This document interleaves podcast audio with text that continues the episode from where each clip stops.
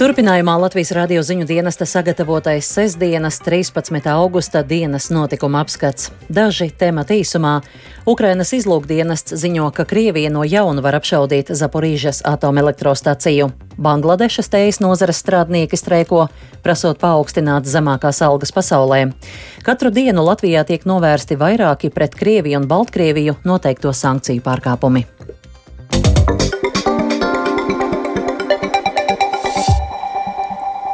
Ukrainas aizsardzības ministrijas galvenā izlūkošanas pārvalde pieļauj, ka Krievijas armija plāno apšaudīt Zaporīžas atomelektrostaciju ar tehniku, kurai piestiprināts Ukrainas karoks.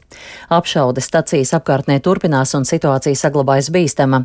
Tikmēr Slovākija nodos Ukrainā iznīcinātājus MiG-29, ko Ukraiņi varētu saņemt septembrī. Savukārt no Ukrainas ostām prom devušies jau 16 kuģi ar lauksēmniecības produkciju. Plašāk par Ukrainu stāsta Rihards Plūme. Krievijas armijas spēki no Zaporīžas atomelektrostācijas un tās apkārtnes turpina apšaudīt stāciju, apšaudēs vainojot Ukrainu.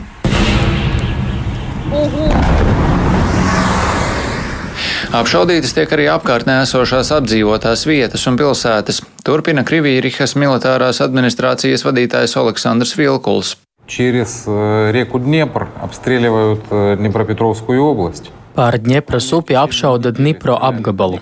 Viņi šauja arī pa Nikopoli. Ir bojā gājuši ievainotie. Izšautas pa nedēļu vairāk nekā 500 grādu raķešu. Ukrainas puse nešauja uz enerhodaru, jo tur ir stacija, nevar veikt pretdarbības. Krievi gļēvi slēpjas aiz stacijas, pastāvīgi īsteno teroru pret upes krastos esošajām pilsētām. Вот просто устроили террор Terror miernieku городов. Krievijas armija Zaporīžas stacijas teritorijā izvietojusi vairākas raķešu palaišanas sistēmas un citus ieročus un aprīkojumu. Tā raidsabiedrības BBC Ukrainas dienestam pastāstīja viens no Zaporīžas stacijas inženieriem. Viņš stāstījis, ka stacijas darbinieki ir apspiesti, dzīvo okupācijā bez normālām komunikācijām, bez veikaliem, pārtiku no mašīnu bagāžniekiem tie pērk tirgos un cilvēki ir pastāvīgās bailēs. Jau no pirmās okupācijas dienas stacijas personāls pazūd un cilvēki tiek nolaupīti pēc noteikta algoritma. Gan enerhodaras sabiedriskie aktīvisti, gan stācijas darbinieki un viņu tuvinieki un citi. No enerhodaras un apkārtējām apdzīvotām vietām cilvēki mēģina izbraukt, taču Krievijas kontrolpunktu dēļ veidojas milzīgas rindas, kurās cilvēkiem saulē jāsēž stundām ilgi. Visi gan nebēg. Arī Jana, kas dzīvo Nikopolē, ko Krievija apšauda, prom nedosies. Viņas atbilde uz jautājumu, kādēļ Krievijas armija apšauda pilsētu, ir šāda. Viņi nespēja pieņemt, ka dzīvojam labāk. Mēs esam brīvi cilvēki, bagāti cilvēki, bet viņi vergi grib mūs par tādiem pašiem pataisīt. Tāpēc mēs te paliekam dzīvot, nebēgam, jo neesam tādi paši. Enerhodaras pilsētas varas iestādes mudinājušas iedzīvotājus būt uzmanīgiem un neusturēties pilsētas ielās.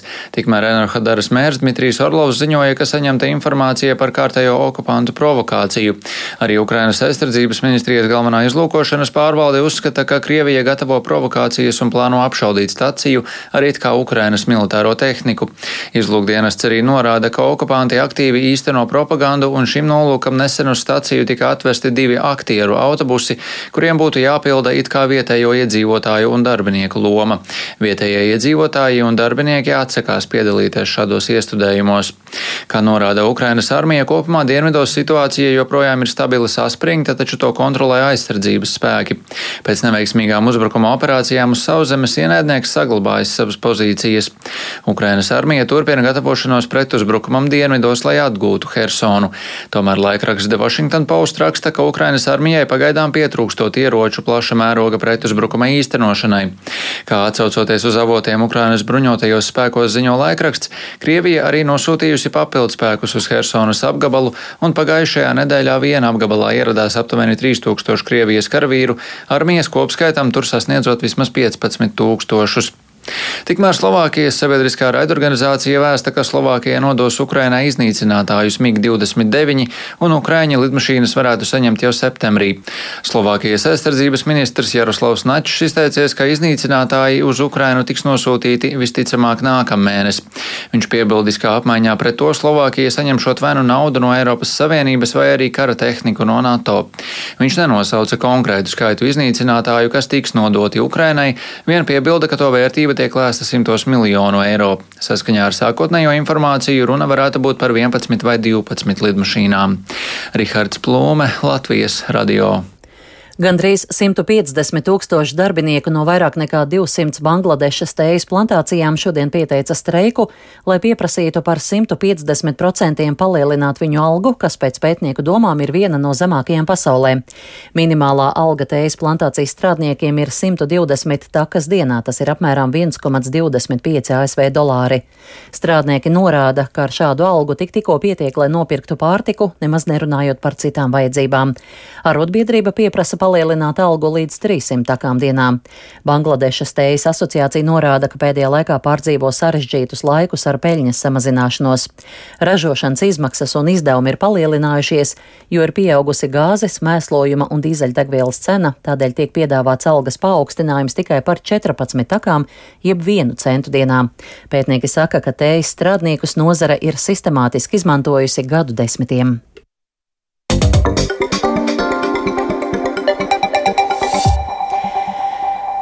Kopš pret Krieviju un Baltkrieviju noteiktas plašas sankcijas, pirmajos piecos mēnešos Latvijā konstatēti vairāk nekā 1200 to pārkāpumi. Lielākoties pārkāpumus veic uzņēmumi, bet arī nemazums privātpersonu pamanās aizliegtās preces apzināti vai neapzināti izvest vai ievest no sankcijām pakļautajām valstīm. Ir ierosinātas arī vairāki desmiti lietu, un tās šobrīd ir izmeklēšanas stadijā. Vairāk Lindas Zalāns ierakstā.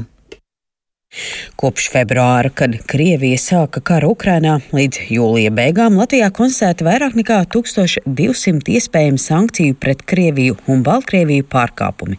Daļa no kravām nākuši no citām Eiropas valstīm.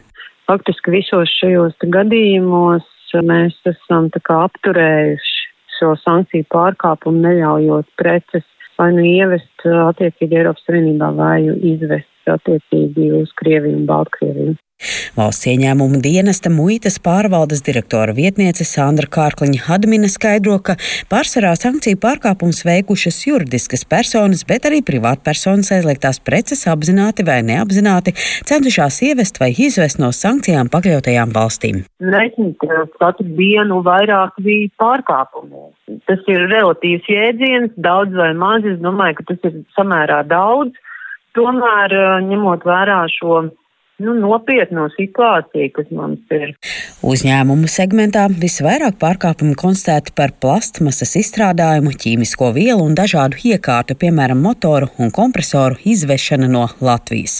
Savukārt virzienā uz Latviju pārkāpumos iesaistītas dažādas kravas, piemēram, transporta līdzekļi un to rezerves daļas, kokapstrādes materiāli, papīrs un plastmasas izstrādājumi.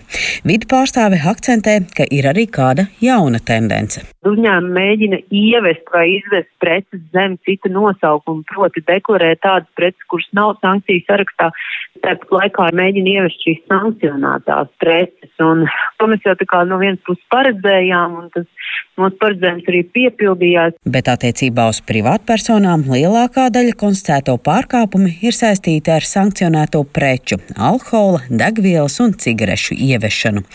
Latvijas Tirzniecības un Rūpniecības kameras valdes loceklis Jānis Lielpēteris teica, ka kara sākuma posmā no uzņēmumiem jautājumi par sankciju pakļautajām precēm bijuši ievērojami vairāk nekā šobrīd, bet liels darbs ieguldīts arī skaidrojošajā darbā. Krievija kļuva par faktiski visu sankcionētāko valsts pasaulē, pat pārsteidot tur Irānu. Nu, līdz ar to gribētos teikt, ka kļūdas arī šajā procesā ir absolūti saprotamas. Droši vien, ka būtiskākais jautājums par to, cik daudz no šiem uh, gadījumiem ir tādi apzināti mēģinājumi pārkāpt. Bet, nu, es gribētu teikt, ka Latvijā sirds ir pareizajā vietā un arī tā izpratne par to, ka sankcijas ir nu, tāds demokrātiskās pasaules galvenais instruments, kā cīnīties pret šo arī no biznesa vidas puses. Tā izpratne pavisam noteikti saglabājās un, un ir, ir stipra Latvijas uzņēmēja saimē.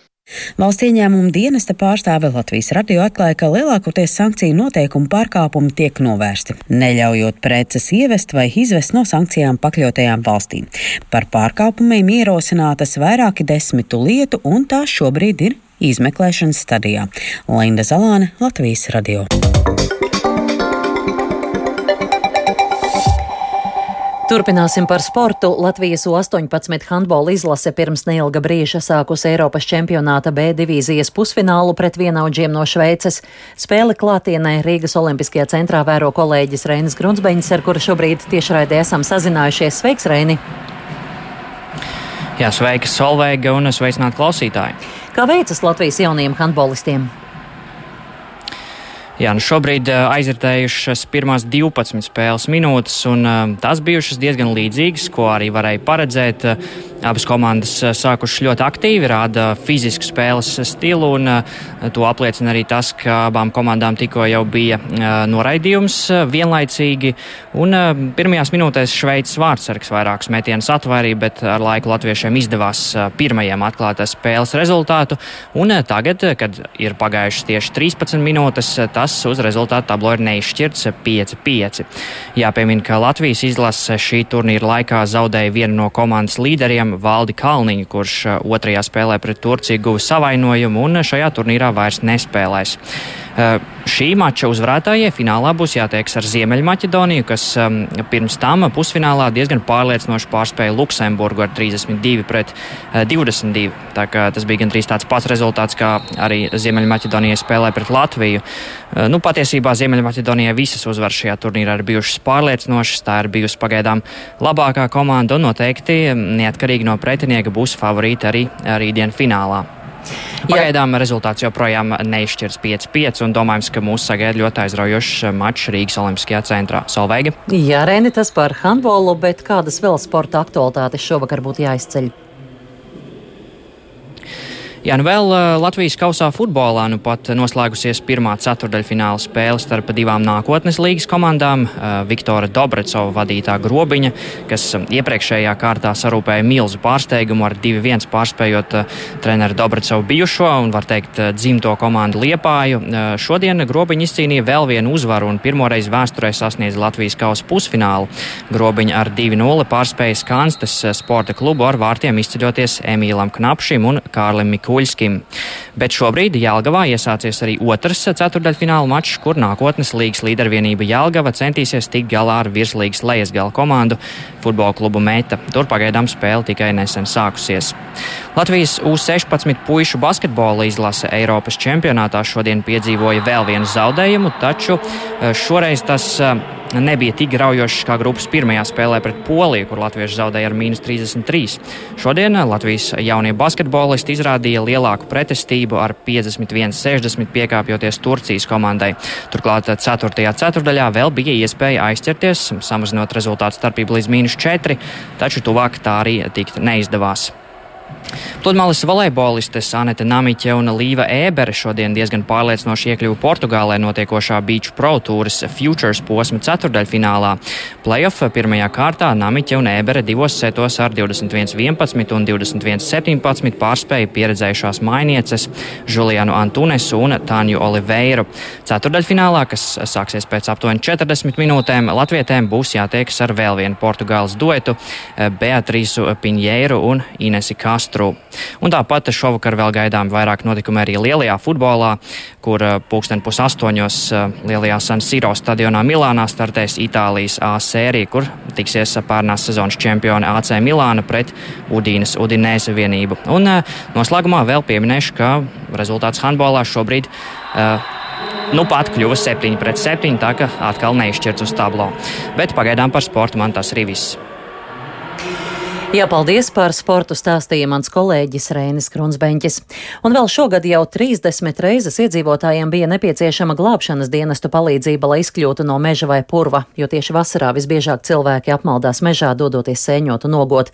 Pērn glābēja palīdzība bija nepieciešama 81 iedzīvotājiem, tā skaitā diviem bērniem, un glābšanas dienests iesaka pirms došanās mežā obligāti informēt vēl kādu personu par saviem nodomiem un arī uz vietu, uz kuru plānots doties. Svarīgi būtu izvēlēties izvēlēties arī spilgtas krāsas apģērbu un mežā nedoties vienam, un atcerieties paņemt līdz pilnībā uzlādētu mobilo telefonu un arī ūdeni. Izskan Latvijas radiodienas notikuma apskats, producents Viktors Pupiks par labu skaņu gādāja Kristaps Eida un Uldis Grinbergs, ar jums runāja Solveiga Leitlande. Vēlreiz īsi par svarīgāko. Ukrainas izlūkdienests ziņo, ka Krievija no jauna var apšaudīt Zaporīžas atomelektrostaciju. Bangladešas tejas nozeres strādnieki streiko, prasot paaugstināt zemākās algas pasaulē, un katru dienu Latvijā tiek novērsti vairāki pret Krieviju un Baltkrieviju noteiktie sankciju pārkāpumi. Yeah.